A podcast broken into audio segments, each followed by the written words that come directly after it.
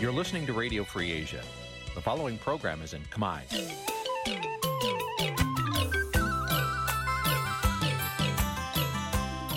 Nǐ chi càm bi tiệp xáy vệt chiu a zì sê ray នេះជាកម្មវិធីផ្សាយរបស់ Vithu Azisari ជាភាសាខ្មែរ វត្តឈូអាស៊ីសេរីសូមស្វាគមន៍លោកអ្នកនាងទាំងអស់ពីរដ្ឋធានី Washington នៃសហរដ្ឋអាមេរិក បាទខ្ញុំបាទយ៉ងច័ន្ទដារាសូមជម្រាបសួរលោកអ្នកនាងអ្នកស្ដាប់វិទ្យុអាស៊ីសេរីទាំងអស់ជាទីមេត្រីបាទខ្ញុំបាទសូមជូនកម្មវិធីផ្សាយសម្រាប់យប់ថ្ងៃអង្គារ6កើតខែបោះឆ្នាំថោះបัญចស័កពុទ្ធសករាជ2567ដែលត្រូវនឹងថ្ងៃទី16ខែមករាគ្រិស្តសករាជ2024បាទជាដំបូងនេះសូមអញ្ជើញអស់លោកអ្នកនាងស្ដាប់ព័ត៌មានប្រចាំថ្ងៃដែលមានមេត្តាដូចតទៅ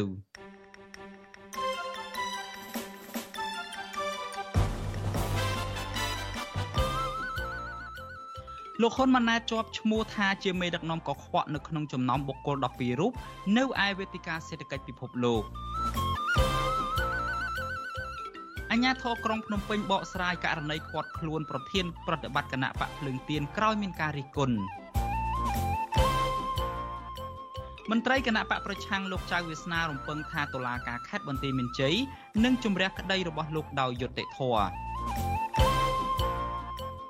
បាទនៅក្នុងនេតិវេទិកាអ្នកស្ដាប់វិទ្យុអាស៊ីសេរីនៅយប់នេះយើងនឹងជជែកពិភាក្សារោគដំណោះស្រាយរឿងកសិករខ្វះទឹកធ្វើស្រែប្រាំងរួមនឹងព័ត៌មានសំខាន់សំខាន់មួយចំនួនទៀត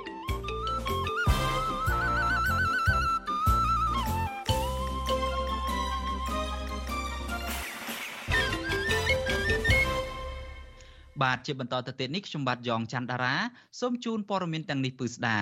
បាទលោកនាងជាទីមេត្រីដោយលោកនាងបានជ្រាបស្រាប់ហើយថាលោកហ៊ុនម៉ាណែតនៅពេលនេះកំពុងមានវត្តមាននៅឯទ្វីបអឺរ៉ុបជាពិសេសនៅប្រទេសបារាំងដើម្បីធ្វើដំណើរទស្សនកិច្ចផ្លូវការផ្លូវការទៅកាន់ប្រទេសបារាំងនិងទៅចូលរួមកម្មវិធីវេទិកាសេដ្ឋកិច្ចពិភពលោកនៅឯប្រទេសស្វីស បាទលោកនាយករដ្ឋមន្ត្រីហ៊ុនម៉ាណែតត្រូវបានប្រព័ន្ធផ្សព្វផ្សាយអន្តរជាតិមួយចាត់ចូលជាមេដឹកនាំកខ្វក់នៅក្នុងចំណោមបុគ្គល12រូបដែលបានចូលរួមនៅក្នុងវេទិកាសេដ្ឋកិច្ចពិភពលោកនៅទីក្រុងដាវ៉ូសប្រទេសស្វីសអ្នកវិភាគនយោបាយយល់ថាកេរឈ្មោះអាស្រូវរបស់លោកហ៊ុនម៉ាណែតនេះនឹងមិនអាចតាក់ទាញអ្នកវិនិយោគទុនបរទេសល្អៗមករកស៊ីនៅកម្ពុជាបានច្រើននោះទេ បាទលោកអ្នកនាងនឹងបានស្ដាប់ព័ត៌មាននេះពឺស្ដានៅពេលបន្តិចទៀតនេះ។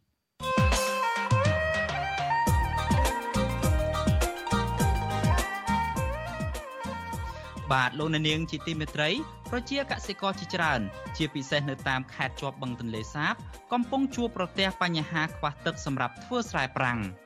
ពួកគាត់បានដង្ហោយរកអន្តរាគមពីអាជ្ញាធរពាក់ព័ន្ធដើម្បីជួយដោះស្រាយបញ្ហាខ្វះទឹកធ្វើស្រែប្រាំងនេះក៏ប៉ុន្តែខាងអាជ្ញាធរឆ្លើយតបដោយអំពាវនាវដល់ប្រជាកសិករឲ្យផ្អាកធ្វើស្រែប្រាំងដើម្បីរក្សាទឹកទុកប្រើប្រាស់សម្រាប់តម្រូវការផ្សេងវិញ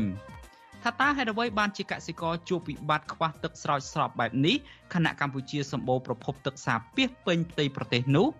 បាទថាតើអ្វីខ្លះជាដំណោះស្រាយសមស្របនិងមានប្រសិទ្ធភាពដែលអាចជួយដល់ប្រជាកសិករនៅក្នុងគ្រាលំបាកចំពោះមុខនិងដំណោះស្រាយរយៈពេលវែងបាទនេះគឺជាប្រធានបទនៃវេទិកាអ្នកស្ដាប់វិទ្យុអាស៊ីសេរីនៅយប់នេះ បាទលោកអ្នកនាងអាចបញ្ចេញមតិយោបល់ឬសួរសំណួរដោយដាក់លេខទូរស័ព្ទរបស់លោកអ្នកនាងនៅក្នុងប្រអប់ខ្ទង់ comment នៃការផ្សាយផ្ទាល់របស់ Virtual Azizi Series នៅលើ Facebook YouTube និង Telegram បាទក្រុមការងាររបស់យើងនឹងតាក់ទងទៅលោកអ្នកនាងវិញ បាទសូមអរគុណ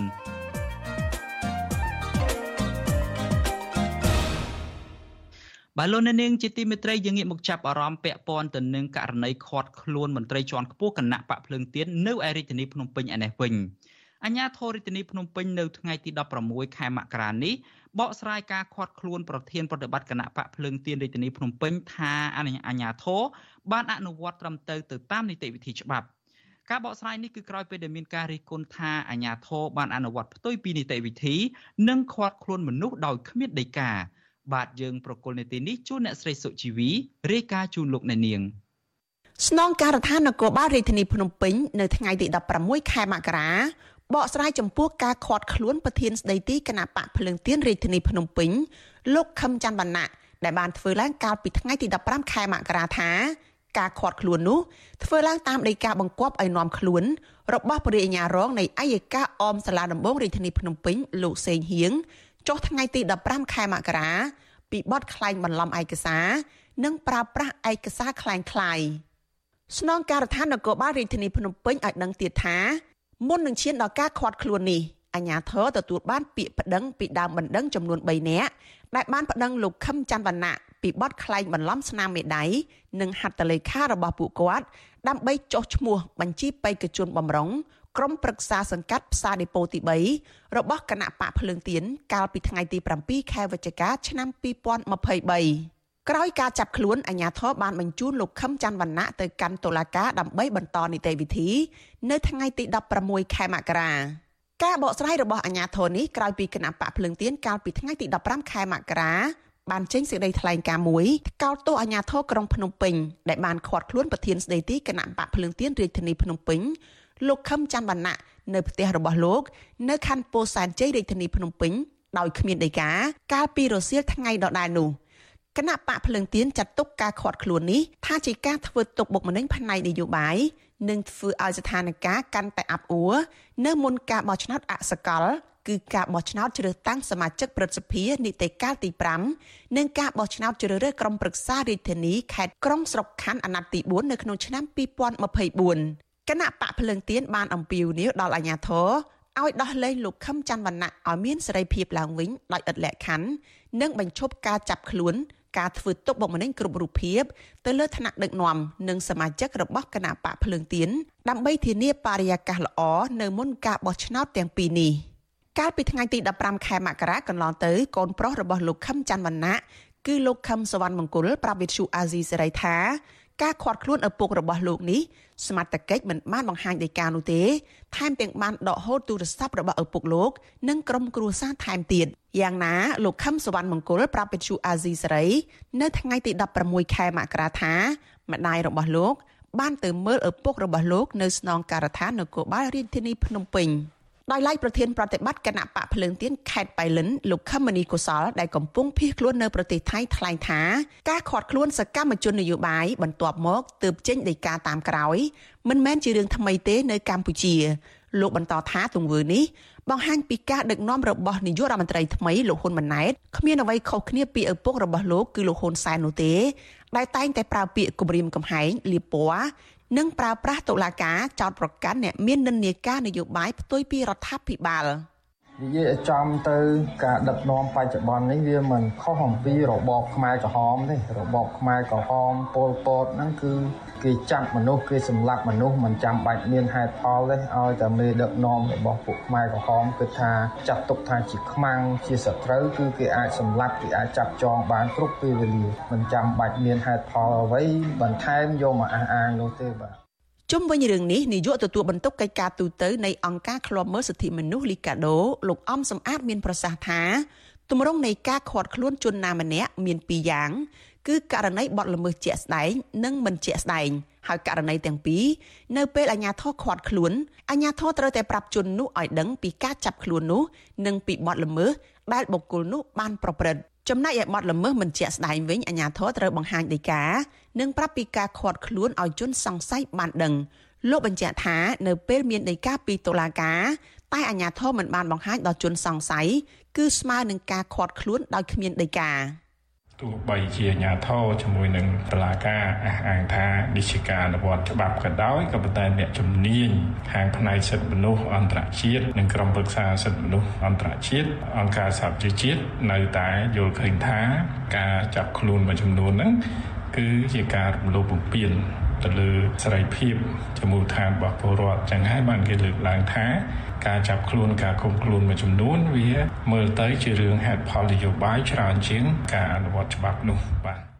មន្ត្រីបកប្រឆាំងនិងអ្នកជំនាញសិទ្ធិមនុស្សចង់ឃើញរដ្ឋាភិបាលដឹកនាំដោយលោកហ៊ុនម៉ាណែតបដូររបៀបដឹកនាំឲ្យខុសពីឪពុករបស់លោកដោយបើកលំហសិទ្ធិសេរីភាពជាមូលដ្ឋាន ជាពិសេសសិទ្ធិនយោបាយដើម្បីឲ្យពលរដ្ឋគ្រប់និន្នាការនយោបាយទាំងអស់ចូលរួមបម្រើជាតិស្របតាមឆន្ទៈពលរដ្ឋនាងខ្ញុំសុជីវីវិទ្យុអាស៊ីសេរី ពីរដ្ឋធានី Washington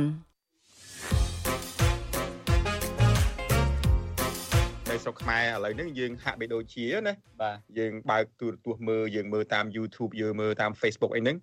គឺគេឃើញតែគេផ្សាយគ្រឿងសង្វឹង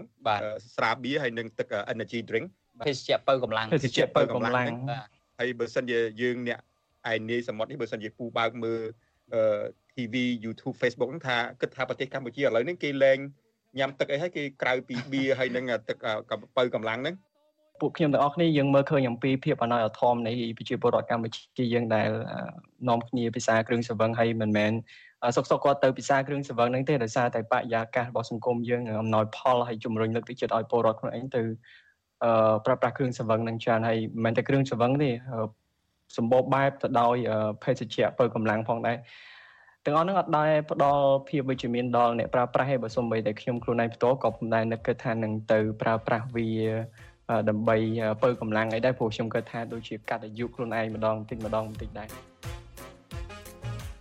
បាទលោកអ្នកនាងកញ្ញាជាទីមេត្រីប្រសិនបើលោកអ្នកនាងខកខានមិនបានស្ដាប់ឬក៏ទស្សនា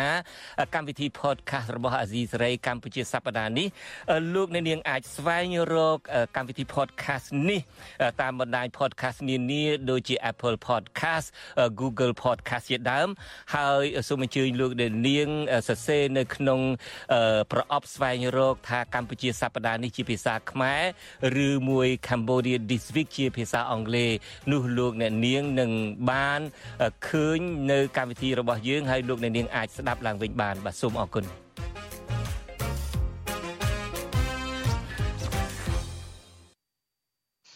បាទលោកអ្នកនាងជាទីមេត្រីលោកអ្នកនាងប្រហែលជាមានការនឹករលឹកទៅដល់លោកជុនច័ន្ទបុតហើយពេលនេះខ្ញុំបាទគ្រាន់តែចង់ជម្រាបជូនលោកអ្នកនាងថាលោកជុនច័ន្ទបុតនៅកំពុងសម្រាកព្យាបាលសុខភាពរបស់លោកនៅឡើយក្រោយពីទទួលបានការវះកាត់ ហើយសុខភាពរបស់លោកចាប់ផ្ដើមល្អឡើងវិញជាបណ្ដាបណ្ដាហើយហើយយើងខ្ញុំសង្ឃឹមថាលោកនឹងវិលមកកាន់កម្មវិធីផ្សាយរបស់យើងនៅក្នុងពេលឆាប់ឆាប់នេះដើម្បីបំរើនៅគោលដៅនៅក្នុងការផ្តល់ព័ត៌មានពិតជូនទៅដល់លោកអ្នកនាងដូច្នេះសូមលោកអ្នកនាងរងចាំការវិលត្រឡប់មកវិញរបស់លោកជុនច័ន្ទបុតបាទ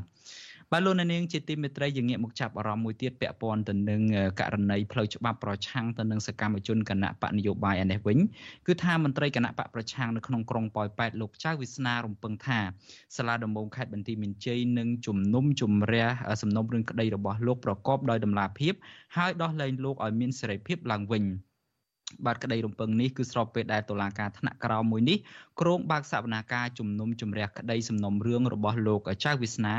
នៅថ្ងៃទី18ខែមករាខាងមុខបាទលោកអ្នកនាងនឹងបានស្ដាប់ព័ត៌មាននេះពឹស្ដានៅព្រឹកស្អែក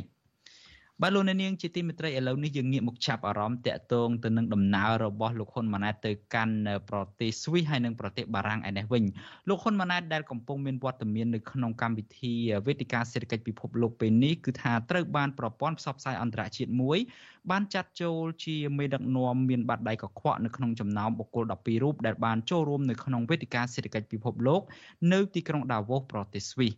អ្នកវិភាគនយោបាយយល់ថាគេឈ្មោះអាស្រូវរបស់លោកហ៊ុនម៉ាណែតនេះនឹងមិនអាចតាក់ទាញអ្នកវិនិយោគទុនល្អល្អដើម្បីមករកស៊ីនៅប្រទេសកម្ពុជាបានច្រើននោះទេ បាទលោកថាថៃរាយការណ៍ព័ត៌មាននេះស្របពេលលោកហ៊ុនម៉ាណែតកំពុងប្រើប្រាស់ប្រព័ន្ធឃោសនារបស់លោកឲ្យជួយផ្សព្វផ្សាយពីមុខមាត់របស់លោកដែលបានចូលរួមក្នុងវេទិកាសេដ្ឋកិច្ចពិភពលោកនៅទីក្រុងដាវូសប្រទេសស្វីសនោះប៉ុន្តែបណ្ដាញព័ត៌មានអន្តរជាតិបែរជាលាតត្រដាងថា លោកហ៊ុនម៉ាណែតគឺជាជនផ្ដាច់ការនិងមានអំណួតក្អេងក្អាងម្នាក់នៅក្នុងពិធីជួបជុំនោះអង្គភាពព័ត៌មានអន្តរជាតិដែលផ្ដោតលើផ្នែកគោលនយោបាយនិងនយោបាយនៅលើពិភពលោកឈ្មោះ Politico បានបញ្ចូលឈ្មោះលោកហ៊ុនម៉ាណែតក្នុងចំណោមមេដឹកនាំនិងអ្នកជំនួញកខ្វក់ចំនួន12រូបដែលមានវត្តមាននៅក្នុងវេទិកាសេដ្ឋកិច្ចពិភពលោកនៅទីក្រុងដាវូសបុគ្គលដែលមានឈ្មោះកខ្វក់ទាំង12រូបនោះក្រៅពីលោកហ៊ុនម៉ាណែតគឺមានប្រធានាធិបតីអាហ្សង់ទីន រាជទាយាទអារ៉ាប៊ីសាអូឌីតព្រះអង្គម្ចាស់មូហាម៉ាត់ប៊ីនសាល់មែនប្រធានាធិបតីអាស៊ីបៃសង់ប្រធានាធិបតីរវ៉ាន់ដានាយករដ្ឋមន្ត្រីចិនលោកលីឈៀងប្រធានាធិបតីហុងគ្រីនាយករដ្ឋមន្ត្រីស្លូវ៉ាគីប្រធានាធិបតីប៉ូឡូញនិងនាយករដ្ឋមន្ត្រីកាតាព្រមទាំងអ្នកជំនួញពីររូបទៀតអង្គភាពព័ត៌មាន Politico បានចាត់ទុកថាបុគ្គលទាំងនេះគឺជាប្រភេទអ្នកជំនួញទុច្ចរិត ជាមេដឹកនាំផ្ដាច់ការបែបអត្តាធិបតេយ្យដែលច្បាមយកអំណាចនិងផលប្រយោជន៍ផ្ទាល់ខ្លួននឹងក្រុមគ្រួសារមិនគោរពច្បាប់មានអំណូតក្អេងក្អាងនិងជាប់ពាក់ព័ន្ធក្នុងអំពើឃាតកម្មលើអ្នករិះគន់អ្នកកាសែតនិងបង្ក្រាបបង្ហូរឈាមលើពលរដ្ឋស្លូតត្រង់ជាដើមបណ្ដាញព័ត៌មានអន្តរជាតិមួយនេះក៏បានបរិយាយពីលោកហ៊ុនម៉ាណែតដែរ ថាជានាយករដ្ឋមន្ត្រីថ្មីរបស់កម្ពុជាដែលទទួលបានការអប់រំខ្ពស់នៅប្រទេសលោកខាងលិចហើយមជ្ឈដ្ឋានមួយចំនួនយល់ថាជាអ្នកកែតម្រង់និងទំនើបកម្មដ៏មានសក្តានុពលម្នាក់ក៏ប៉ុន្តែផ្ទុយទៅវិញក្រោយពីទទួលបានតំណែងពីបិតារបស់លោកគឺលោកហ៊ុនសែនជាអ្នកកាន់អំណាចជាយូរមកហើយនោះលោកហ៊ុនម៉ាណែតមិនបានបង្ហាញសញ្ញាណាមួយនៃការចង់ធ្វើទំនើបកម្មឬកែតម្រង់កម្ពុជានោះឡើយអង្គភាពព័ត៌មាន Politico បានគូបញ្ជាក់ថា មានចំណុចសំខាន់សំខាន់ជាច្រើននៃការដឹកនាំបែបផ្ដាច់ការរបស់លោកហ៊ុនម៉ាណែតរួមមានការបង្ក្រាបឥតឈប់ឈរទៅលើគណៈបកប្រឆាំងនិងអ្នករិះគន់ការបោះឆ្នោតបែបឡប់ឡែអំពើពុករលួយដ៏រាលដាលនិងទំនាក់ទំនងបកពុនិយមរវាងក្រុមអ្នកនយោបាយកាន់អំណាចនិងក្រុមអ្នកជំនួញអញជួយឯងឯងជួយអញទាក់ទិននឹងរឿងនេះវិទ្យុអាស៊ីសេរីមិនអាចសុំការឆ្លើយតបពីប្រធានអង្គភិបអ្នកនាំពាក្យរដ្ឋាភិបាលលោកប៉ែនបូណានិងអ្នកនាំពាក្យគណៈបកកណ្ដាលអំណាចលោកសុកអេសានបានទេដោយទូរស័ព្ទចូលពុំមានអ្នកទទួល ក៏ប៉ុន្តែលោកហ៊ុនម៉ាណែតបានថ្លែងក្នុងពិធីសំណេះសំណាលជាមួយពលរដ្ឋខ្មែរនៅទ្វីបអឺរ៉ុបកាលពីថ្ងៃទី14មករាថាវត្តមានរបស់លោកនៅឯវេទិកាសេដ្ឋកិច្ចពិភពលោកលើកទី54គឺជាដំណើរទៅគោះទ្វារស្វែងរកអ្នកធុរកិច្ចឲ្យមកបណ្ដាក់ទុនរកស៊ីនៅកម្ពុជាមកទីនេះហើយដាក់ពេលវេលាជាប់គ្នាទាំងអស់គឺភារកិច្ចតែមួយ គឺធ្វើយ៉ាងណាដើម្បីគោះទ្វារដើម្បីចាប់ដៃដើម្បីបង្ហាញ ទាំងថ្នាក់ដឹកនាំនយោបាយអង្គការក៏ដូចជាធុរកិច្ចនៅលើពិភពលោកអំពីកម្ពុជាហើយបបួលគេទៅតែម្ដងហៅថាដើរតាក់មួយតែម្ដងទោះជាយ៉ាងណាអ្នកវិភាគនយោបាយលោកកឹមសុខថ្លែងថាវត្តមានរបស់លោកហ៊ុនម៉ាណែតក្នុងវេទិកាសេដ្ឋកិច្ចពិភពលោកគ្រាន់តែជាការយករូបភាពមកបោកប្រាស់ប្រជាពលរដ្ឋតែប៉ុណ្ណោះប៉ុន្តែនឹងមិនអាចនាំផលប្រយោជន៍អ្វីដល់កម្ពុជាឡើយប្រសិនបើមេដឹកនាំរូបនេះមិនព្រមស្ដារប្រជាធិបតេយ្យនិងការគោរពសិទ្ធិមនុស្សពិតប្រាកដទេនោះ លោកយល់ថាពិភពលោកនិងអ្នកជំនួយអន្តរជាតិបានស្គាល់លោកហ៊ុនម៉ាណែតច្បាស់ថាលោកជាមេដឹកនាំផ្ដាច់ការបន្តពីឪពុកដែលបំផ្លាញប្រព័ន្ធប្រជាធិបតេយ្យនិងប្រព័ន្ធច្បាប់នៅកម្ពុជាដូច្នេះអ្នករកស៊ីល្អល្អនឹងខ្លាចញញើតក្នុងការចូលទៅវិនិយោគនៅកម្ពុជាឡើងកាន់តំណែងដោយការប្រកួតមិនត្រឹមត្រូវដូច្នេះវាជាការបំផ្លាញប្រព័ន្ធប្រជាធិបតេយ្យបំផ្លាញរដ្ឋធម្មនុញ្ញមានន័យថាបំផ្លាញប្រព័ន្ធច្បាប់របស់ប្រទេសទាំងមូលតែម្ដង តែបើកាលណាបំផ្លាញប្រព័ន្ធច្បាប់ដែលគេដឹងពេញពិភពលោកទៅហើយតើអ្នកជំនួញអន្តរជាតិណាគេចាប់អារម្មណ៍ទៅរកស៊ីប្រទេសកម្ពុជាពីព្រោះអ្នកជំនួញអន្តរជាតិល្អល្អដែលគេរកស៊ីត្រឹមត្រូវហ្នឹងគេទៅប្រទេសណាមួយគេរកផលចំណេញមែន ពេលដែលបានផលចំណេញតើគេការពារផលប្រយោជន៍គេដោយវិធីណាដូច្នេះវាទាល់តែប្រព័ន្ធច្បាប់នឹងរឹងមាំណាស់មិនពាក់ព័ន្ធទៅនឹងការរំលោភអំណាចមិនពាក់ព័ន្ធទៅនឹងអំពើបពុនិយមធ្ងន់ធ្ងរមិនពាក់ព័ន្ធទៅនឹងអំពើពុករលួយចាក់ស្រេះទើបអាចការពារផលប្រយោជន៍របស់ពួកគេបាន មេដឹកនាំពិភពលោកជាង60នាក់កំពុងជួបប្រជុំគ្នាជាមួយក្រុមអ្នកជំនួញមកពីជុំវិញពិភពលោកនៅទីក្រុងដាវូសប្រទេសស្វីសរយៈពេល5ថ្ងៃចាប់ពីថ្ងៃទី15ដល់ថ្ងៃទី19ខែមករាក្រុមប្រធានបទការកសាងទំនុកចិត្តឡើងវិញបន្ទាប់ពីពិភពលោកប្រឈមនឹងវិបត្តិជាបន្តបន្ទាប់ដូចជាបញ្ហាសង្គ្រាមនិងវិបត្តិជំងឺ Covid-19 ជាដើមអ្នកខ្លាំមើលលើកឡើងថាវេទិកាសេដ្ឋកិច្ចពិភពលោក ដែលប្រមូលផ្ដុំដោយមេដឹកនាំផ្ដាច់ការនិងពុករលួយព្រមទាំងអ្នកចំនួនទុច្ចរិតមួយចំនួនផងនោះនឹងមិនអាចមានការជជែកគ្នានឹងការសម្រេចចិត្តដោយបើកចំហនិងដំណាភាពដើម្បីផលប្រយោជន៍សម្រាប់មនុស្សជាតិទូទៅឡើយអ្នកខ្លាំមើលក៏សម្គាល់ថានៅតាមប្រទេសផ្ដាច់ការទ្រព្យសម្បត្តិរបស់អិសរាជជននយោបាយនិងក្រុមអ្នកជំនួញទុច្ចរិតនៅតែបន្តកើនឡើងទ្វេដងគណៈប្រជាពលរដ្ឋរាប់លានអ្នកកំពុងធ្លាក់ខ្លួនក្រីក្រខ្ញុំថាថៃពីទីក្រុងមែលប៊ន បាទលោកអ្នកនាងជាទីមេត្រីនៅក្នុងកម្មវិធីផ្សាយរបស់យើងនារាត្រីនេះយើងនឹងមានវេទិកាអ្នកស្ដាប់វិទ្យុអាស៊ីសេរីដោយនឹងជជែកស៊ីជម្រៅតាក់ទងទៅនឹងបញ្ហាខ្វះទឹកសម្រាប់ប្រជាកសិករធ្វើស្រែប្រាំងនិងដំណោះស្រាយសមស្របចំពោះមុខហើយនឹងក្នុងរយៈពេលវែងសម្រាប់ប្រជាកសិករក៏ប៉ុន្តែមុននឹងទៅដល់កម្មវិធីវេទិកាអ្នកស្ដាប់វិទ្យុអាស៊ីសេរីនេះខ្ញុំបាទសូមឲ្យលោកអ្នកនាងស្ដាប់សេចក្តីរាយការណ៍មួយរបស់លោកសេចបណ្ឌិត ដែលលោកបានដកស្រង់នៅទស្សនៈយោបល់ផ្សេងផ្សេងរបស់អ្នកប្រើប្រាស់បណ្ដាញសង្គមតាក់ទងទៅនឹងរឿងនេះបាទអ្នកប្រើប្រាស់បណ្ដាញសង្គមជាច្រើននាំគ្នាចំអកដល់ថ្នាក់ដឹកនាំរដ្ឋាភិបាលថ្មីព្រមទាំងអាជ្ញាធរតាមបណ្ដាខេត្តមួយចំនួនផងតាក់ទងទៅនឹងរឿងខ្វះសមត្ថភាពដោះស្រាយបញ្ហាខ្វះទឹកធ្វើស្រែសម្រាប់ប្រជាកសិករនេះ តំបន់ដែលកំពុងខ្វះខាតទឹកទាំងនោះរួមមានខេត្តកំពង់ស្ពឺនិងតំបន់ជាច្រើនផ្សេងទៀតនៅខាងនៅក្នុងខេត្តជុំវិញបឹងទន្លេសាបដូចជានៅក្នុងខេត្តកំពង់ឆ្នាំងខេត្តបាត់ដំបងនិងខេត្តពោធិ៍សាត់ជាដើមតើសាររបស់អ្នកប្រើប្រាស់បណ្ដាញសង្គមទាំងនោះយ៉ាងដូចម្តេចខ្លះបាទសូមលោកនាងស្ដាប់ការដកស្រង់ទស្សនៈមតិនេះរបស់លោកសេចបណ្ឌិតដូចតទៅ thank you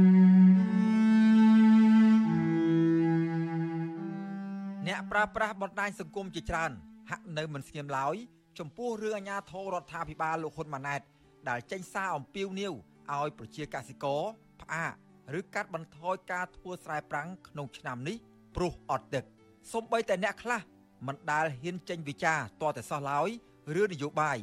ជាពិសេសតកតងនឹងដំណើរការដឹកនាំរបស់រដ្ឋាភិបាលជាប់ឆ្នោតបច្ចុប្បន្នតាំងពីឪពុករហូតដល់កូនប៉ុន្តែពេលនេះហាក់ទប់អារម្មណ៍មិនជាប់ឡើយ ចំពោះរឿងផ្សាយគ្រឿងស្រវឹងនិងបញ្ហាអត់ទឹកធ្វើស្រែប្រាំងឆ្នាំនេះ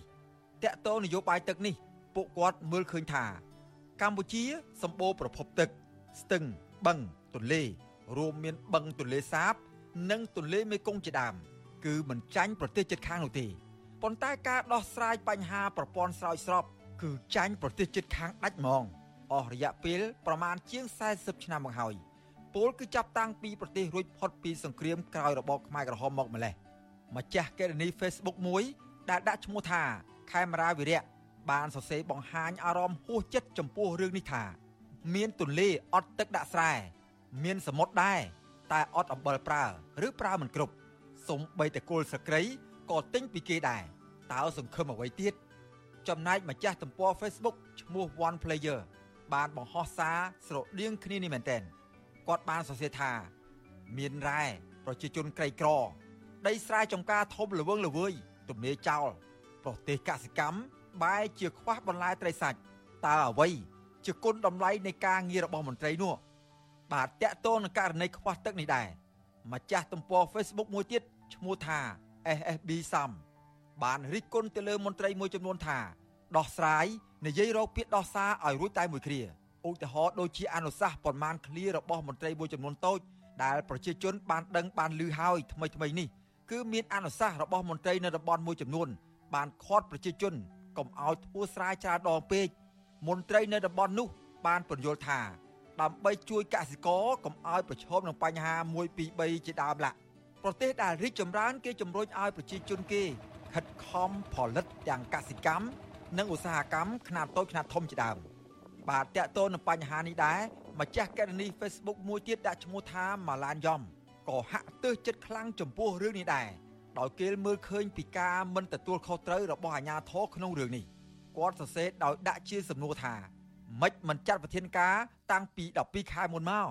ហួសពេលហើយលោកព្រោះស្រូវពេញវាលកសិករធ្វើស្រែប្រាំងនេះចំណាយអស់ដើមទុនច្រើនហើយ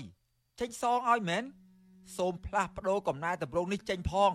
បើមិនដូច្នោះទេ រហាមទៀតឲ្យកសិករអើយដោយឡែកម្ចាស់ករណី Facebook មួយផ្សេងទៀតឈ្មោះថារំចង់ក៏បានបង្ហាញពីទុកលំបាករបស់កសិករខ្មែរគឺថាឥតលហែហ្មង មិនថាប្រាំងឬវស្សានោះទេរំចង់បានសរសេរយ៉ាងដូចនេះទៀតថាខែវស្សាមានទឹកជន់លិច ដល់ខែប្រាំងបែរជាអត់ទឹកប្រើទៅវិញនៅពេលគ្មានទឹកសម្រាប់ធ្វើកសិកម្មទី1អ្នកធ្វើការបំរើប្រជាជន នៅតែទទួលបានប្រាក់ខែទៀងទាត់ដូចធម្មតា ទី2ចំណែកប្រជាជនវិញ ច្បាស់ជាដាច់បាយហើយគួរតែមានការរៀបចំប្រព័ន្ធទឹកសម្រាប់ធ្វើកសិកម្មឲ្យបានគ្រប់គ្រាន់មិនគួរធ្វើបែបនេះទេរំចង់សរសេរបន្តថា ប្រទេសកម្ពុជា ជាប្រទេសកសិកម្មប៉ុន្តែពេលនេះអត់ទឹកធ្វើស្រែប្រាំងទេរីឯម្ចាស់ករណី Facebook ឈ្មោះ Fern Fern ក៏បានខមមិនបន្តថារដូវវស្សា ធ្វើស្រែចម្ការទឹកលិចខូចខាតអស់ដល់ពេលរដូវប្រាំងខ្សត់ទឹក ហាមមិនឲ្យធ្វើស្រែចម្ការសរុបមកគឺចប់មានតែគៀបគ្មានដំណោះស្រាយចំណែកឯម្ចាស់ករណី Facebook ឈ្មោះលីសវណ្ណវឌ្ឍនារិទ្ធបានខមមិនបន្តតបដែរថាប្រជាកសិករមានតែខាតនឹងខាតគ្មានអ្នកទទួលខុសត្រូវស្រុកចិត្តខាងយើងគេធ្វើស្រែមួយឆ្នាំ3ដងទៅ4ដងឯណោះឯស្រុកខ្ញុំវិញធ្វើស្រែពឹងលើមេឃ បាទលោកនាងកញ្ញាជាទីមេត្រីមុននឹងសង្ខេបបញ្ចប់អំពីទស្សនៈមតិរបស់អ្នកប្រើប្រាស់បណ្ដាញសង្គមនៅពេលនេះខ្ញុំបាទសូមលើកបង្ហាញនៅទស្សនៈម្ចាស់ករណី Facebook មួយដែលដាក់ឈ្មោះថាណាល់ផានិតលោកទំនងជាអ្នកនិពន្ធផលកំដឹងទស្សនៈរបស់គាត់រៀងវែងបន្តិចប៉ុន្តែមានន័យជ្រៅខ្ញុំបាទសូមអានអត្ថបទទាំងស្រុងរបស់គាត់ជូនលោកនាងដូចតទៅនេះយើងមានដីស្រែតែទំនេរយើងមានទន្លេតែខ្វះទឹក យើងមានមន្ត្រី តែខ្វះអ្នកដឹក យើងមានទីព្រឹកតែខ្សត់យោបល់យើងមានអង្គតែថោកតម្លៃយើងមានព្រឹកព្រៃតែកាប់គ្មានសល់យើងមានភ្លឺស្រែតែខ្វះផ្លូវថ្នល់យើងមានភោគផល តែបែកក្រៀមស្វិតយើងមានមនុស្សតែចំណាក់ស្រុក យើងមានហើយគុក តែដាក់បណ្ឌិត យើងមានធនធានរ៉ែតែក្រហួសក្រិត យើងមានហើយមិត្ត តែមិត្តនោះយកគេ យើងមានយុវជន តែប៉ុនផឹកស្រា យើងមានដុល្លារតែខ្ចីគេ យើងមានហើយរាសតែធ្វើខ្ញុំគេ យើងមានទាំងទ្វេតែគ្មានប្រយោជន៍ខ្ញុំបាទសេកបណ្ឌិតវិទ្យុអាស៊ីសេរីពីរដ្ឋធានីវ៉ាស៊ីនតោន បាទលោកនាងជាទីមេត្រីតកតងទៅនឹងព័ត៌មានរបស់លោកសេកបណ្ឌិតអំបញ្ញមិញនេះគឺថាយើងនឹងបង្ហោះវីដេអូនេះនៅលើទំព័រ Facebook របស់ Virtual Azizi Serai ហើយនិងនៅលើ website របស់យើងក៏នៅលើ YouTube ផងដែរហើយប្រសិនបើលោកនាងចង់ទស្សនានិងស្ដាប់នៅការស្រង់មតិយោបល់ដ៏ពិស្ដាររបស់លោកសេកបណ្ឌិតនេះលោកនាងសូមចូលទៅកាន់ Facebook YouTube ឬមួយក៏គេហទំព័ររបស់ Virtual Azizi Serai នឹងបានឃើញនៅព័ត៌មាននេះទាំងអស់បាទ បាទលោកនាងជាទីមេត្រីលោកនាងទើបតែបានស្ដាប់នឹងទស្សនាព័ត៌មានប្រចាំថ្ងៃដែលជម្រាបជូនដោយខ្ញុំបាទយ៉ងច័ន្ទដារាបាទកម្មវិធីជាបន្តទៅទៀតនេះគឺជានេតិវេទិកាអ្នកស្ដាប់វិទ្យុអាស៊ីសេរី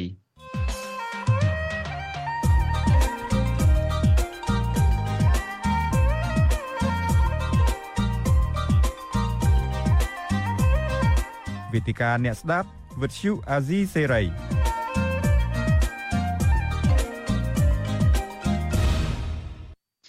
បាទខ្ញុំបាទយ៉ងច័ន្ទតារាសូមជម្រាបសួរលោកអ្នកនាងជាថ្មីម្ដងទៀតដោយខ្ញុំបាទបានជម្រាបជូនពីខាងដើមហើយថាកម្មវិធីវេទិកាអ្នកស្ដាប់វិទ្យុអាស៊ីសេរីនៅយប់នេះយើងនឹងជជែកពិភាក្សាតាក់ទងទៅនឹងបញ្ហាខ្វះទឹកធ្វើស្រែរបស់ប្រជាកសិករនៅរដូវប្រាំងនេះហើយនឹងដំណោះស្រាយចំពោះមុខនិងដំណោះស្រាយរយៈពេលវែងសម្រាប់ប្រជាកសិករ ហើយនៅពេលនេះយើងមានវាគ្មិនកិត្តិយសពីររូបដែលចូលរួមជាមួយយើងតាមប្រព័ន្ធ Skype ទី1មានលោកបណ្ឌិតមាសនេះដែលជាអ្នកស្រាវជ្រាវខាងការអភិវឌ្ឍសង្គមហើយនឹងវាគ្មិនទី2គឺលោកឌីគុន្ធាលោកគឺជាទីប្រឹក្សាបច្ចេកទេសរបស់អង្គការសាមគ្គីភាពកសិករខ្ញុំបាទសូមជម្រាបសួរវាគ្មិនទាំងពីរពីចម្ងាយផងបាទសូមជម្រាបសួរបាទជម្រាបសួរបាទបាទសូមជម្រាបសួរលោកបណ្ឌិតមាសឌីផងបាទបាទសូមជម្រាបសួរបាទ បាទលោកនាងជាទីមេត្រីលោកនាងដូចបានជ្រាបស្រាប់ហើយថាលោកនាងបានស្គាល់ច្បាស់ហើយលោកដិតមាសនេះជាវាគ្មិនដែលតែងតែចូលរួមជាមួយកម្មវិធីយើងហើយចំណែកឲ្យលោកឌីកុនធាវិញលោកថ្មីទេលោកទៅទៅចូលរួមជាមួយយើងនៅពេលនេះទេកម្មវិធីជជែកពិភាក្សារបស់យើងហើយខ្ញុំបាទក៏សូមអរគុណលោកឌីកុនធាដែរដែលអញ្ជើញចូលរួមជាមួយយើងលោកមានសាវតាមាន background តាក់ទងទៅនឹងការធ្វើកិច្ចការផ្នែកគោលនយោបាយជាទីប្រឹក្សាបច្ចេកទេសរបស់អង្គការខាងផ្នែកកសិកម្មផងដែរដូច្នេះយើងសង្ឃឹមថានឹងមានលោកចូលរួមជាបន្តបន្តទៀតនៅក្នុងកម្មវិធីយើងនៅពេលក្រោយបាទណាលោកឌីគុនធាបាទសូមអរគុណបាទបាទសូមអរគុណបាទ បាទបាទលោកនាងជាទីមេត្រីមុននឹងឈានចូលដល់ការជជែកពិភាក្សាលម្អិតខ្ញុំបាទគ្រាន់តែចង់ជម្រាបជូនលោកនាងបន្តិចទេថានៅក្នុងពេលនេះពេលពេលដែលយើងកំពុងជជែកពិភាក្សានេះគឺថាប្រជាកសិករនៅទូទាំងប្រទេសជាពិសេសនៅតំបន់ជុំវិញបឹងទន្លេសាបកំពុងតែជួបបញ្ហាប្រឈមដ៏សំខាន់មួយគឺតាក់ទងទៅនឹងការខ្វះទឹកធ្វើស្រែនៅក្នុងរដូវប្រាំងនេះហើយតំបន់ដែលមានការរងគ្រោះជាងគេនោះទៅជានៅតំបន់នៅជុំវិញបឹងទន្លេសាបឯនោះវិញលោកនាងអាចឃើញហើយគឺខាងនៅក្នុងខេត្តពោធិ៍សាត់ខេត្តកំពង់ឆ្នាំងខេត្តបាត់ដំបងជាដើមគឺកសិករចាប់ផ្ដើមស្រែកដង្ហោយរកជំនួយពីរដ្ឋាភិបាលហើយអំពីរឿងខ្វះទឹកធ្វើស្រែនេះ ដូច្នេះខ្ញុំបាទចង់ចាប់ផ្ដើមជាដំបូងទៅកាន់លោកបណ្ឌិតមាសនេះតែម្ដងទៅលោកបណ្ឌិតមាសនេះថាតើហេតុអីបានជាយើងចាប់ផ្ដើមខ្វះទឹកខ្លាំងមែនទែននៅក្នុងរដូវប្រាំងឆ្នាំនេះតាមពិតយើងទៅតែនៅក្នុងខែមួយទេมันគួរណាថាអស់ទឹកពីប្រព័ន្ធបន្លាយប្រព័ន្ធធារាសាស្ត្រឲ្យបែបហ្នឹងទេលោកបណ្ឌិតអាចធ្វើការចាប់អារម្មណ៍យ៉ាងដូចម្ដេចដែរនៅត្រង់ចំណុចនេះបាទបាទសូមអរគុណលោកយ៉ងច័ន្ទរាហើយសូមជម្រាបសួរបងគុនធាម្ដងទៀតបាទបាទសូមជម្រាបសួរ ពីបញ្ហាទឹកវាជារឿងមួយដែលយើងអាចថាកន្លែងខ្លះយើងគ្រប់គ្រងបានកន្លែងខ្លះយើងគ្រប់គ្រងមិនបានឧទាហរណ៍ថាទឹកភ្លៀងបានន័យថាចំនួនទឹកភ្លៀងឬក៏មិនសុំទៅមិនចំនួននេះគឺបរិមាណនៃទឹកភ្លៀងគឺយើងបានបានវាអាស្រ័យទៅលើទឹកភ្លៀងមកច្រើនឬតិចនៅក្នុងមួយឆ្នាំមួយឆ្នាំ ហើយទី2ទៀតគឺការស្តុកទឹករបស់យើង គឺអាងស្តុកទឹកឬប្រព័ន្ធធារាសាស្ត្រដែលយើងមាន គឺអាស្រ័យលើកត្តាពីរហ្នឹងប្រសិនបើភ្លៀងតិចនៅក្នុងឆ្នាំនេះដូច្នេះបរិមាណទឹកដែលស្តុកនៅក្នុងអាងក៏វាតិចទៅតាមនឹងដែរបាទហើយរឿងទី2ទៀតដោយសារប្រទេសកម្ពុជាក៏ជាប់នៅនឹងជាផ្នែកមួយនៃប្រទេសក្នុងតំបន់ទន្លេមេគង្គ អញ្ចឹងយើងក៏បានទទួលនៅអតិពលនៃទឹកឡើងឬក៏ទឹកស្រកទឹកតិចឬទឹកច្រើនទឹកចំនួនដែលទទួលបានពីទន្លេមេគង្គដែរដូច្នេះនៅក្នុងឆ្នាំនេះយើងឃើញថាទឹកចំនួនទន្លេមេគង្គនឹងមានចំនួនទាបណាតិចមានបរិមាណនឹងតិចមែនទែនកន្លែងតំបន់ដែលធ្លាប់ទៅលិចដែលខ្ញុំធ្វើដំណើរទៅយើងឃើញមានទឹកលហាចលហឹមហ្នឹងគឺมันមានទឹកឡើងមកដល់ទេបាទអញ្ចឹងរឿងនេះវា ការប្រកាសនៅការខ្វះទឹកវាមិនខុសទេព្រោះយើងឃើញនៅក្នុងប្រទេសជឿនលឿនក៏នៅពេលណាដែលមានស្ថានភាពរាំងស្ងួតខ្លាំងឬទឹកតិចគឺគេក៏មានការប្រុងប្រយ័ត្នហើយមានការផ្សព្វផ្សាយមានវិធានការចាត់ឡើងដើម្បីការពារធ្វើម៉េចឲ្យពលរដ្ឋនឹងត្រូវដឹងខ្លួនជាមុនហើយនឹងការពារខ្លួន ហើយនឹងវិធានការនៅក្នុងការប្រើប្រាស់ទឹកឲ្យបានមានការរឹតបន្តឹងបាទសំបីតែក្នុងប្រទេសជឿនលឿនដោយកាលនៅប្រទេសអូស្ត្រាលីកាលខ្ញុំនៅរៀនទីនោះក៏ពេលខ្លះក៏គេប្រកាសឲ្យពលរដ្ឋនៅក្នុងតំបន់មួយនោះមានការប្រុងប្រយ័ត្នរឿងទឹកហើយដោយសារពលរដ្ឋគេមានការអប់រំខ្ពស់អញ្ចឹងនៅតាមផ្ទះនីមួយៗគឺកំណត់ថាទឹកអាចប្រើបានត្រឹមតែកម្រិតប៉ុណ្នេះទេមិនអាចយកទៅស្រោចដំណាំ អីផ្សេងផ្សេងឬបាញ់ដាក់ដាក់ធ្វើធំធំអីបានទេបាទអញ្ចឹងនៅក្នុងហ្នឹងអាជ្ញាធរមូលដ្ឋានគេក៏គេប្រយ័ត្នប្រយែងដែរបើប្រសិនជាមានអ្នកណាប្រព្រឹត្តបទល្មើសគេនឹងអាចមកដល់ភ្លាមដែរដូច្នេះវាមានការត្រួតពិនិត្យហើយមានការអប់រំទៅលើពលរដ្ឋដែរសម្រាប់ខ្ញុំវិញទីមួយយើងដឹងហើយថាទឹកចំនួនទន្លេសាបឆ្នាំនេះគឺទៀបជាងរាល់ឆ្នាំអានឹងជារឿងមួយដែលផលវិបាកមួយទី2ទៀតអឺការប្រកាសនៅភាពអាសន្នអឺនៃ ភាពរាំងស្ងួតឬការខ្វះទឹកក៏មិនខុសដែរក៏ប៉ុន្តែតើតើត្រូវប្រកាសពីពេលណាមកដោយធម្មតានៅក្នុងទឹកកាលណាយើងមានប្រព័ន្ធធារាសាស្ត្រនឹងកាន់តែច្រើនគោលនយោបាយទឹកហើយនឹងការគ្រប់គ្រងនៅធនធានទឹកយើងមានក្រសួងធនធានទឹកដែរគឺត្រូវតែគ្រប់គ្រងជាប្រចាំមិនមែនរងចាំដល់ទៅពេលរាំងស្ងួតហើយពលរដ្ឋចាប់ផ្ដើមស្រោចស្រព ធ្វើស្រែទៅអីបានយើងប្រកាសអានឹងបានន័យថាយើងធ្វើបាបពលរដ្ឋជាជាងការដែលយើងជួយបាទការជួយបាននៅក្នុងស្ថានភាពបែបនេះទីមួយយើងមិនអាចបន្ទោសទៅលើទឹកតិចទឹកច្រើនថាមកពីរដ្ឋាភិបាលមិនចេះប្រមូលទឹកទុកអីទេអានឹងបើយើងមានប្រព័ន្ធធារាសាស្ត្រប្រព័ន្ធធារាសាស្ត្រឬទំនប់ច្រើនយើងអាចទុកបានទេក៏ប៉ុន្តែបរិមាណទឹកវាអាស្រ័យទៅលើអំណោយផលនៃទឹកភ្លៀងបាទប៉ុន្តែការគ្រប់គ្រងវាជារឿងសំខាន់ទោះបីទឹកតិច ក៏ដោយទឹកច្រើនក៏ដោយបើយើងមានការគ្រប់គ្រងត្រឹមត្រូវនោះអានឹងយើងនឹងអាចប្រកាសប្រាប់កសិករនឹងឲ្យបានមុនពេលដែលពួកគាត់ចាប់ផ្ដើមភ្ជួររាស់កុំឲ្យដល់ពេលគាត់ចាប់ផ្ដើមភ្ជួររាស់ចំណាយលុយអស់កកោកហើយបានយើងមកប្រកាសអានឹងយើងជាអ្នកខុសវិញទេបាទហើយដូចជាពាក្យថាមិនឲ្យបើសិនជាពលរដ្ឋណាធ្វើស្រែមិនទទួលខុសត្រូវ មែនតើទៅរឿងហ្នឹងมันមាននរណាទទួលខុសត្រូវសម្រាប់គាត់តាំងពីដើមមកចង់គាត់លិចទឹកយ៉ាងម៉េចក៏ដោយវាមានមានតាមត្រឹមចែកអំណោយអីហ្នឹងណាជាងកាលខ្ញុំមើលទៅវាឆ្កងនឹងពាក្យពេចដែរហើយបើសិនជាការអំពាវនាវការផ្សព្វផ្សាយធ្វើឲ្យបានមុនហើយអានេះខ្ញុំគិតថាវាជាមេរៀនដែរសម្រាប់នៅពេលក្រោយក្រោយទៀតនៅតាមទំនប់ទឹកធំធំឬនៅតាមប្រព័ន្ធធារាសាស្ត្រ សំខាន់សំខាន់ក៏ត្រូវតែមន្ត្រីដែលគ្រប់គ្រងធនធានទឹកនោះគឺត្រូវតែបង្កើនសមត្ថភាពបើបើមិនចឹងទេយើងមានទឹកក៏ប៉ុន្តែពលរដ្ឋនៅតែជាយើងដោយសារតែយើងអាចបានត្រៀមលក្ខណៈហើយគ្រប់គ្រងនៅការវិវត្តនៃប្រភពទឹកនៅកន្លែងឲ្យបានដិតដល់បាទហើយជាការមើលឃើញរបស់ខ្ញុំគឺនៅតាមប្រភពទឹកទំនប់នីមួយនីមួយហ្នឹងគឺមន្ត្រីដែលនៅគ្រប់គ្រងខាងក្រោមមិនសូវជាបានមានការយល់ដឹងអីប្រមាណទេអានេះជាការសង្កេតមើលរបស់ខ្ញុំណា អរគុណលោកបណ្ឌិតពេលនេះខ្ញុំនឹងត្រឡប់មកលោកបណ្ឌិតវិញនៅពេលបន្តិចទៀតឥឡូវខ្ញុំចង់ងាកមកលោកឌីគុនធាវិញលោកនាងមុននេះបន្តិចលោកនាងឃើញរូបភាពដែលក្រុមការងារបច្ចេកទេសយើងបានបង្ហោះនឹងមានបរិះម្នាក់គាត់លើកដៃសំពះគាត់អង្គុយលុតជង្គង់នៅលើវាលស្រែនេះគឺថាជាវីដេអូមួយដែលទៅបានផ្សព្វផ្សាយប្រងព្រឹត្តនៅលើបណ្ដាញសង្គម Facebook ហើយ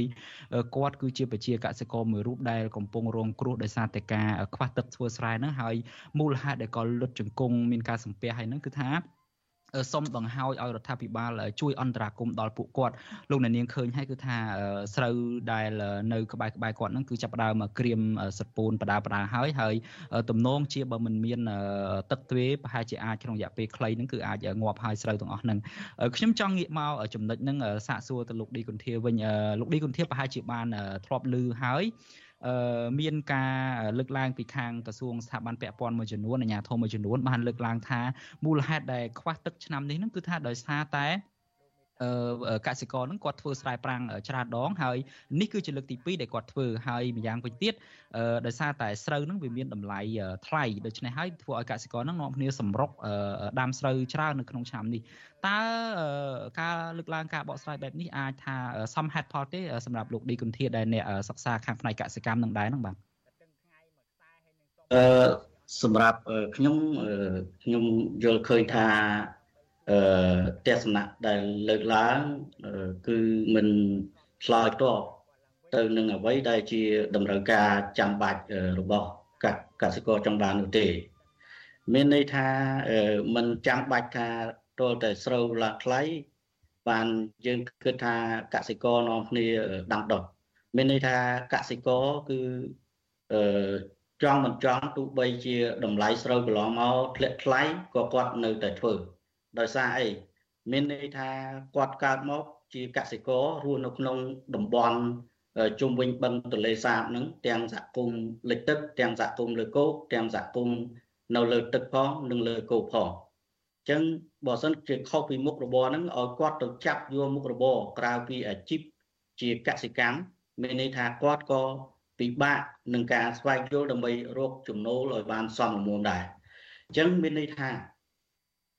គាត់ចង់ធ្វើស្រែបានពី2ទៅ3រដូវក្នុងមួយមួយឆ្នាំហេតុអីបើសិនជាគាត់ធ្វើស្រែហើយដីស្រែរបស់គាត់มันមានទំហំធំទៀតមានន័យថាក្នុងមួយគ្រួសារយ៉ាងច្រើនពីកន្លះហិកតាទៅ1ហិកតាតែតែប៉ុណ្ណោះហើយក្នុងគ្រួសាររបស់គាត់សមាជិកច្រើនទៀតអញ្ចឹងបើសិនជាគាត់ធ្វើស្រែតែមួយរដូវ ហើយមួយរដូវមិនសូវបានផលខ្ពស់ទៀតដោយសារតែប្រឈមមុខនឹងគ្រោះអន្តរាយទឹកជំនន់រាំងស្ងួតសត្វល្អិតបាទជំងឺឆ្លងលាក់លាក់អញ្ចឹងទិន្នផលរបស់គាត់បានទៀបណាស់អញ្ចឹងការធ្វើមុខរបរកសិកម្មរបស់គាត់ភាគច្រើនគឺផ្ដោតទៅលើស្រែអញ្ចឹងនៅពេលដែលគាត់ធ្វើស្រែគាត់តែងតែខ្ចីបំណុលគ្រឹះស្ថានមីក្រូហិរញ្ញភពអញ្ចឹងគាត់ធ្វើស្រែបានតែមួយរដូវគាត់មិនអាចសង អឺបំណុលអឺធនាគារឬក៏គ្រឹះស្ថានមីក្រូហិរញ្ញភពបានទេបាទទាំងបំណុលទាំងការប្រាក់ហើយមិនអាចយកលុយនឹងសម្រាប់ចំណាយទៅលើ ការបរិភោគអាហារ3ពេលបាទมันអាចយកលុយនឹងចំណាយទៅលើ ការទិញសម្ភារៈឬរៀបចំកែលម្អផ្ទះសម្បែងឲ្យបានសមរម្យมันអាចយកលុយនឹងដើម្បីអឺឲ្យកូនចៅរបស់គាត់រៀនបានសមរម្យมันអាចអឺ អឺមានន័យថាมันអាចធានានៅគុណភាពជីវិតរហូតដល់អាចធ្វើឲ្យសមាជិកគ្រួសារកសិករនឹងចំណាក់ស្រុកផងក៏ក៏អាចថាបានបាទបាទ អរគុណលោកឌីគុន្ធាអ្វីដែលលោករៀបរាប់អំបញ្ញមិញនេះធ្វើខ្ញុំចាប់អារម្មណ៍នៅចំណុចមួយដែលលោកអ្នកនាងបានលើហើយគឺថាគាត់ជាប្រជាកសិករបើមិនអោយគាត់ទៅធ្វើកសិកម្មបើមិនអោយគាត់ទៅធ្វើស្រូវហ្នឹងអោយគាត់ទៅធ្វើអីនេះជាចំណុចកន្លឹះមួយដែលលោកឌីគុន្ធាបានលើកឡើងហើយចំណុចមួយទៀតតកតងទៅនឹងបើតាមយើងសាកសួរព័ត៌មានពីសំណាក់ប្រជាពលរដ្ឋវិញការដែលនាំគ្នាធ្វើស្រូវច្រើននៅឆ្នាំនេះតាមពិតក៏មានដំណើរដើមតងខ្លះៗដែរដោយសារតែតាមប្រភពមួយចំនួនដែលយើងបានជួបសម្ភាសហ្នឹង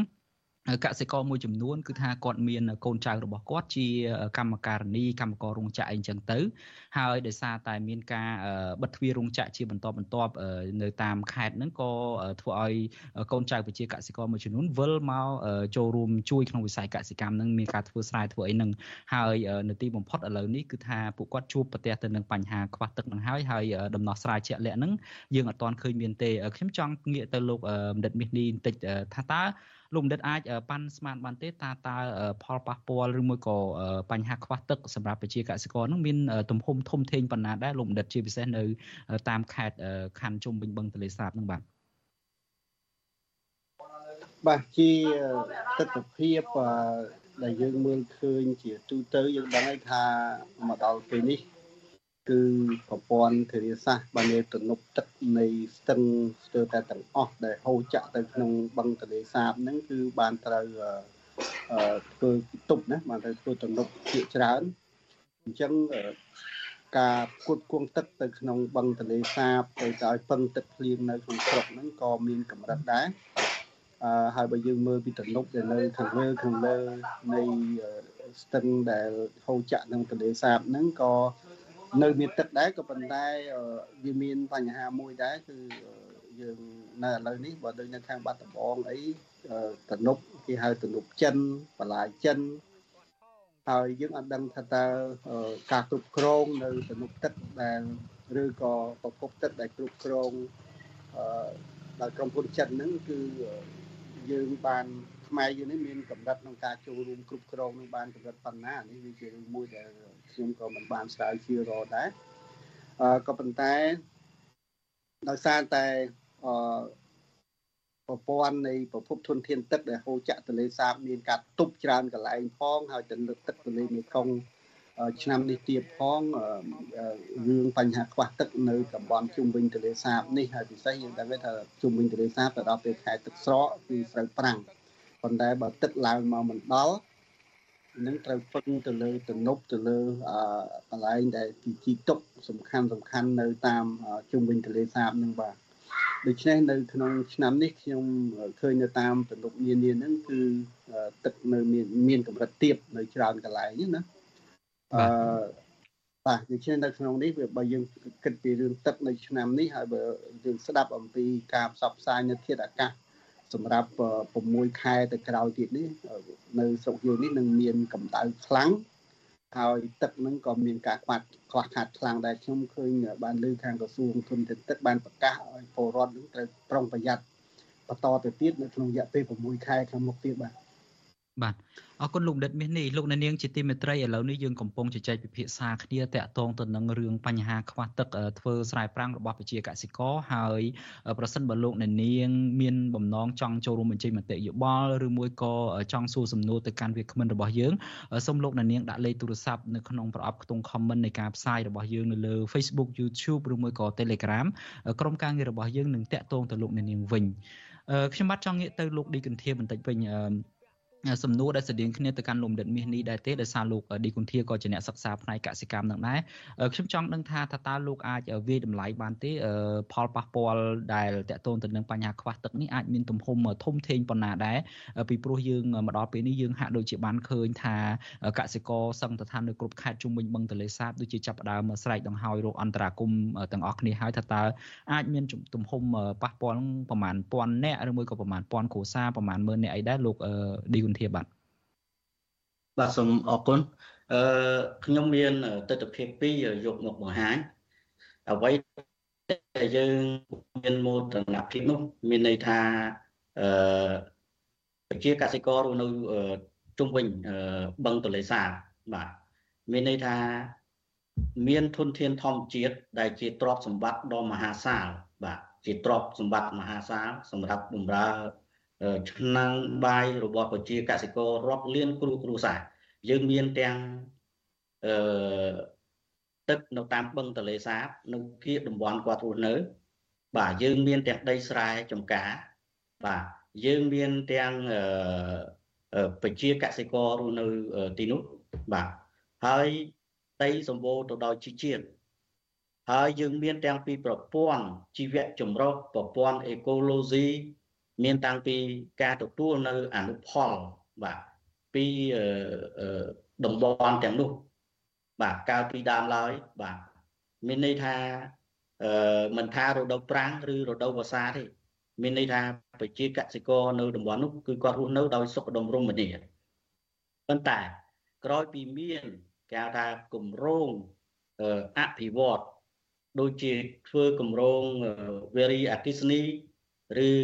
គម្រោងផ្សេងផ្សេងទៀតដែលធ្វើឲ្យតំបន់នោះក្លាយទៅជាតំបន់មួយដែលជួបប្រទះគ្រោះរាំងស្ងួតពីមួយឆ្នាំទៅមួយឆ្នាំឥតឈប់ឈរបាទអញ្ចឹងអ្វីដែលជាផលប៉ះពាល់គឺធ្ងន់ធ្ងរណាស់ទី1បាទធ្វើឲ្យតំបន់ទាំងនោះក្លាយទៅជាតំបន់បាត់បង់នៅគេហៅថាផលិតកម្មស្បៀងបាទ មិនថាផ្ដោតទៅលើអនុគម្រោងផ្នែកដំណាំស្រូវអនុគម្រោងផ្ដោតទៅលើផលិតកម្មសត្វការចិញ្ចឹមគោក្របីមាន់ទាត្រីបាទអឺមិនថាផ្ដោតទៅលើអាហារកែច្នៃមិនថាផ្ដោតទៅលើអនុគម្រោងផ្នែកអេកូទេសចរមិនថាផ្ដោតទៅលើអនុគម្រោងសិប្បកម្មកែច្នៃមិនថាផ្ដោតទៅលើអឺ អនុគម្រោងអឺអភិរក្សបាទគម្របអឺព្រៃឈើឬក៏ជំរកត្រីពងឬក៏អភិរក្សតំបន់ប្រព័ន្ធជីវៈចម្រុះអញ្ចឹងផលប៉ះពាល់ផ្សេងៗទៀតនោះគឺធ្វើឲ្យប្រជាពលរដ្ឋប្រឈមមុខបញ្ហាអសន្តិសុខស្បៀងប្រឈមមុខនឹងការជំពាក់បំណុលប្រឈមមុខនឹងសមាជិករបស់គាត់ចំណាក់ស្រុកប្រឈមមុខនឹងសមាជិករបស់គាត់ អឺបាត់បង់ការសិក្សាអឺប្រឈមមុខនឹងការបាត់បង់នៅសេចក្តីថ្លៃថ្នូរប្រឈមមុខទាំងការអឺសុវត្ថិភាពទៅលើស្ត្រីកុមារមនុស្សចាស់បាទដោយសារតំបន់ទាំងនោះគឺ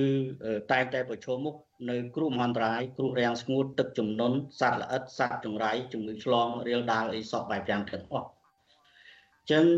អឺជាអនុសាសន៍ របស់ខ្ញុំអឺក្រមការងារបច្ចេកទេសអន្តរក្រសួងអន្តរស្ថាប័នបាទគណៈកម្មការគ្រោះមហន្តរាយអាជ្ញាធរថ្នាក់ក្រមជាតិត្រូវតែដាក់ចេញលោកនេះគុនធាខ្ញុំសូមកាត់ប្រសាសន៍លោកត្រង់នឹងបន្តិចដោយសារតែលោកងាកទៅរឿងដំណោះស្រាយវិញខ្ញុំនឹងជំងាកមកសួរលោកអំពីរឿងដំណោះស្រាយហ្នឹងនៅពេល បន្តិចទៀតឥឡូវនេះខ្ញុំចង់មានសំណួរកាត់លោកត្រង់នេះមួយរឿងបញ្ហាទឹកនេះណាបើយើងតាមដានឲ្យដិតដល់មែនតែនទៅគឺថាមានការរុញដាក់គ្នាពីមួយទៅមួយយើងដឹងទាំងអស់គ្នាថាឲ្យតែពេលយើងតាក់ទងទៅសួរខាងក្រសួងកសិកម្មក្រសួងកសិកម្មរុញភ្លាមថារឿងតាក់ទងរឿងបញ្ហាទឹកនេះមិនមែនជាដែនសមត្ថកិច្ចរបស់ក្រសួងទេគឺជាដែនសមត្ថកិច្ចរបស់ក្រសួងធនធានទឹកទៅវិញហើយយើងដឹងទាំងអស់គ្នាហើយថាក្រសួងធនធានទឹកនឹងមកដល់ពេលនេះហាក់ដូចជាមិនមានចំណាត់ការអីឲ្យជាក់លាក់ទេហើយទន្ទឹមពេលហ្នឹងក៏មានការតាក់ទងដល់ក្រសួងអភិវឌ្ឍជនបទអាជ្ញាធរថ្នាក់ក្រោមជាតិគ្រប់ស្ថាប័នពាក់ព័ន្ធប៉ុន្តែពីមួយទៅមួយហាក់ដូចជាមានការរុញដាក់គ្នាជាបន្តបន្ទាប់អញ្ចឹងថាតើលោកមើលឃើញយ៉ាងម៉េចដែរចំពោះចំណុចនេះថាតើរឿងដោះស្រាយបញ្ហាទឹកនឹងវាត្រូវតែជាដែនសមត្ថកិច្ចផ្ដាច់មុខរបស់អ្នកណាមួយអញ្ចឹងមែនឬមួយក៏យ៉ាងម៉េចវិញបាទអឺ សម្រាប់ខ្ញុំខ្ញុំយល់ឃើញថាអឺពេលនេះមិនមែនជាពេលវេលាដែលយើងត្រូវអឺកិច្ចវេះពីហេតុផលដោយចោទទៅលើស្ថាប័នក្រសួងនីមួយៗទេ មានន័យថាក្រសួងពាក់ព័ន្ធទាំងអស់អឺទៅទីថាបើទៅលើប្រព័ន្ធស្រោចស្រពឬស្ដារប្រព័ន្ធស្រោចស្រពដូចជាបន្លាយទឹក ឬក៏ទំនប់ទឹកឬក៏អាងស្តុកទឹកឬក៏ប្រព័ន្ធបន្លាយមេបន្លាយរួមលាក់លាក់មានន័យថាអឺឲ្យតែពាក់ព័ន្ធទៅនឹងការទំនាក់ទំនងទៅនឹងវិស័យសេដ្ឋកិច្ចកសិកម្មគឺទាមទារឲ្យមានគេហៅថាអន្តរក្រសួងចូលរួមហើយជាពិសេសគឺត្រូវលិតដោយក្រសួងធនធានទឹកនិងឧតុនិយមផ្នែកប្រព័ន្ធស្រោចស្រពហ្នឹងបាទ មានន័យថាគឺត្រូវតែធ្វើយ៉ាងម៉េចឲ្យមានជាបទដ្ឋានគេហៅថាស្តង់ដាសំណង់ហេដ្ឋារចនាសម្ព័ន្ធកសិកម្មហ្នឹងបន្លាយហ្នឹងគឺធ្វើម៉េចឲ្យទៅជាបន្លាយមួយដែលអាចថានៅពេលដែលមានទឹកជំនន់ចូលមកបន្លាយហ្នឹងគឺអាចស្តុកទឹកហើយនឹងអាចការពារនៅទឹកជំនន់កុំឲ្យផលប៉ះពាល់ដល់កសិផលដំណាំ និងផលប៉ះពាល់ដល់សត្វពាហនៈឬក៏ដំណាំបន្លែឬក៏ដំណាំស្រូវផ្សេងផ្សេង មួយទៀតអឺត្រូវធានានៅប្រព័ន្ធធារាសាស្ត្រមួយបែបស្តង់ដាទាំងទំនប់ទឹកទ្វារទឹកហ្នឹងមានន័យថាអាងស្តុកទឹកអីហ្នឹងបាទគឺត្រូវធ្វើបែបលក្ខណៈបទដ្ឋានបច្ចេកទេសស្តង់ដាតែតែម្ដងមានន័យថាទោះបីជាខែប្រាំងក៏នៅតែមានទឹកស្តុកនៅតាមបន្លាយឬអាងស្តុកទឹកខ្ញុំឲ្យជាឧទាហរណ៍បើសិនជាបន្លាយហ្នឹង ធ្វើអត់មានស្តង់ដារគុណភាពហើយអត់មានទឹកស្តុកនៅតាមបន្លាយហ្នឹងគឺបន្លាយហ្នឹងងាយនឹងប្រឈមមុខការខូចខាតមានន័យថាយូរយូរទៅគឺដីតាមមាត់ច្រាំងបន្លាយអីអស់ហ្នឹងគឺវាបាក់ឬក៏លុបឲ្យទៅជារីងរីងឈ្ងួតហើយកាលណាអត់មានប្រភពទុកយើងយើងដឹងហើយថាផលប៉ះពាល់ច្រើនណាមានន័យថាសត្វគោពាហនៈក៏មិនបានអឺប្រើប្រាស់ទឹកនឹងដើម្បីជីវិតសត្វ កសិករប្រកបមុខរបរដាំដំណាំបន្លែក៏អត់មានទឹកធ្វើធ្វើស្រែក៏អត់បាទហើយកសិករត្រូវការប្រើប្រាស់ទឹកដើម្បីប្រើប្រាស់នៅក្នុងគ្រួសាររបស់គាត់បាទក៏អត់មានទៀតបាទអញ្ចឹងចង់មិនចង់ខ្ញុំសូមឲ្យរាជរដ្ឋាភិបាលត្រូវរៀបចំអនុគម្រោងបាទផ្នែកអភិវឌ្ឍនិងសាងសង់ហេដ្ឋារចនាសម្ព័ន្ធកសិកម្មហ្នឹងបាទ ដូចជាប្រព័ន្ធស្រោចស្រពអីហ្នឹងមានន័យថាត្រូវធ្វើប្រព័ន្ធស្រោចស្រពនេះឲ្យទៅជាស្តង់ដារហើយប្រព័ន្ធស្រោចស្រពនេះមិនមែនត្រឹមតែយកទៅស្រោចស្រពតែនៅតំបន់ជុំវិញបឹងទលេសាប5 6ខេត្តហ្នឹងឯង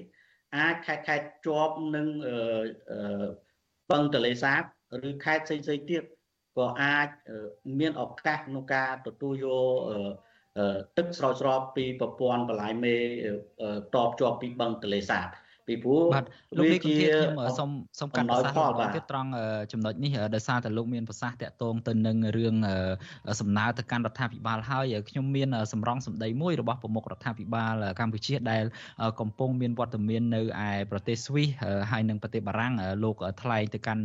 ប្រជាពលរដ្ឋនៅឯប្រទេសបារាំងនៅពេលដែលលោកជួបអ្នកគ្រប់គ្រងហ្នឹងឥឡូវនេះខ្ញុំចង់ឲ្យលោកអ្នកនាងស្ដាប់សម្រងសម្ដីនេះមួយដូចតទៅដែលលោកហ៊ុនម៉ាណែតបាននិយាយតាក់ទងទៅនឹងរឿងខ្វះទឹកធ្វើស្រែសម្រាប់កសិករនេះបាទបាទកន្លែងខ្លះគឺរដ្ឋបាលខេត្តបានចេញគោលការណ៍ដែលដមសុំអុយ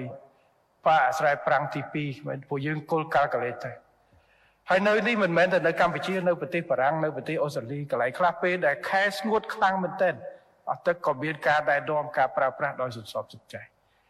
ចឹងវិបត្តិទាំងអស់នេះគឺតែប៉ុន្តែទោះជាយ៉ាងណាយើងនៅមិនទាន់ឈានទៅដល់នោះតែយើងជាការព្យាករទុកប៉ុន្តែឆ្នាំនេះកសិកររបស់យើងបានផលច្រើន បាទតម្លៃស្រូវក៏ល្អហើយយើងដោះស្រាយបញ្ហាជារួចទៀតបាទ លោកនាងបានស្ដាប់ហើយនេះជាអ្វីដែលលោកហ៊ុនម៉ាណែតថ្លែងទៅកាន់ក្រុមអ្នកគ្រប់គ្រងរបស់លោកដែលជួបជុំគ្នាជាមួយលោកនៅឯប្រទេសបារាំងកាលពីប្រហែលថ្ងៃមុននេះហើយចំណុចនេះហាក់ដូចជាដូចស្តៀងគ្នាទៅនឹងអ្វីដែលលោកបណ្ឌិតមាសនេះលើកឡើងពីខាងដើមមិញតិចដែរថានៅប្រទេសមួយចំនួនក៏មានការប្រាប់ឲ្យប្រជាពលរដ្ឋនឹងមានការសន្សំសំចៃទឹកដែរហើយក៏ប៉ុន្តែបរិបទនឹងក៏អាចខុសគ្នាត្រង់ចំណុចខ្លះដែរប្រទេសមួយចំនួនដែលបានណែនាំឲ្យប្រជាពលរដ្ឋរក្សាទឹកទុកនៅពេលខ្លះហ្នឹងគឺថាដោយសារតែជួបប្រទះបញ្ហាគ្រោះរាំងស្ងួតអីចឹងហើយទៅជាឧបមាថានៅសហរដ្ឋអាមេរិកនេះក៏ធ្លាប់មានការណែនាំចឹងដែរនៅរដ្ឋមួយចំនួនក៏ប៉ុន្តែគឺជារដ្ឋដែលខ្វះខាតទឹកខ្វះខាតប្រភពទឹកចម្បងចម្បងអីហ្នឹងហើយមិនមែនដោយករណីនៅកម្ពុជាដែលដូចថាប្រព័ន្ធធារាសាស្ត្រធម្មជាតិហ្នឹងគឺថាដោយសរសៃឈាមរបស់ជាតិនោះទេហើយត្រង់ចំណុចនេះចង់សូមជម្រាបសួរទៅបណ្ឌិតមាសនេះមួយដែរថា តើលោកបណ្ឌិតមានអនុសាសន៍យ៉ាងម៉េចបើតាមប្រមុខរដ្ឋាភិបាលហ្នឹងថាបានដូចជាបានដឹងហើយឥឡូវនេះកំពុងពិនិត្យមើលរឿងហ្នឹងកំពុងយ៉ាងម៉េចបើប្រជាកសិករនឹងស្រែកដង្ហោយពេញណាពេញណីដើម្បីឲ្យរដ្ឋាភិបាលជួយទៅហើយថាតើអ្វីដែលជារឿងចំពោះមុខជាបន្តដែលរដ្ឋាភិបាលអាចជួយបាននឹងលោកបណ្ឌិតមាសនេះបាទ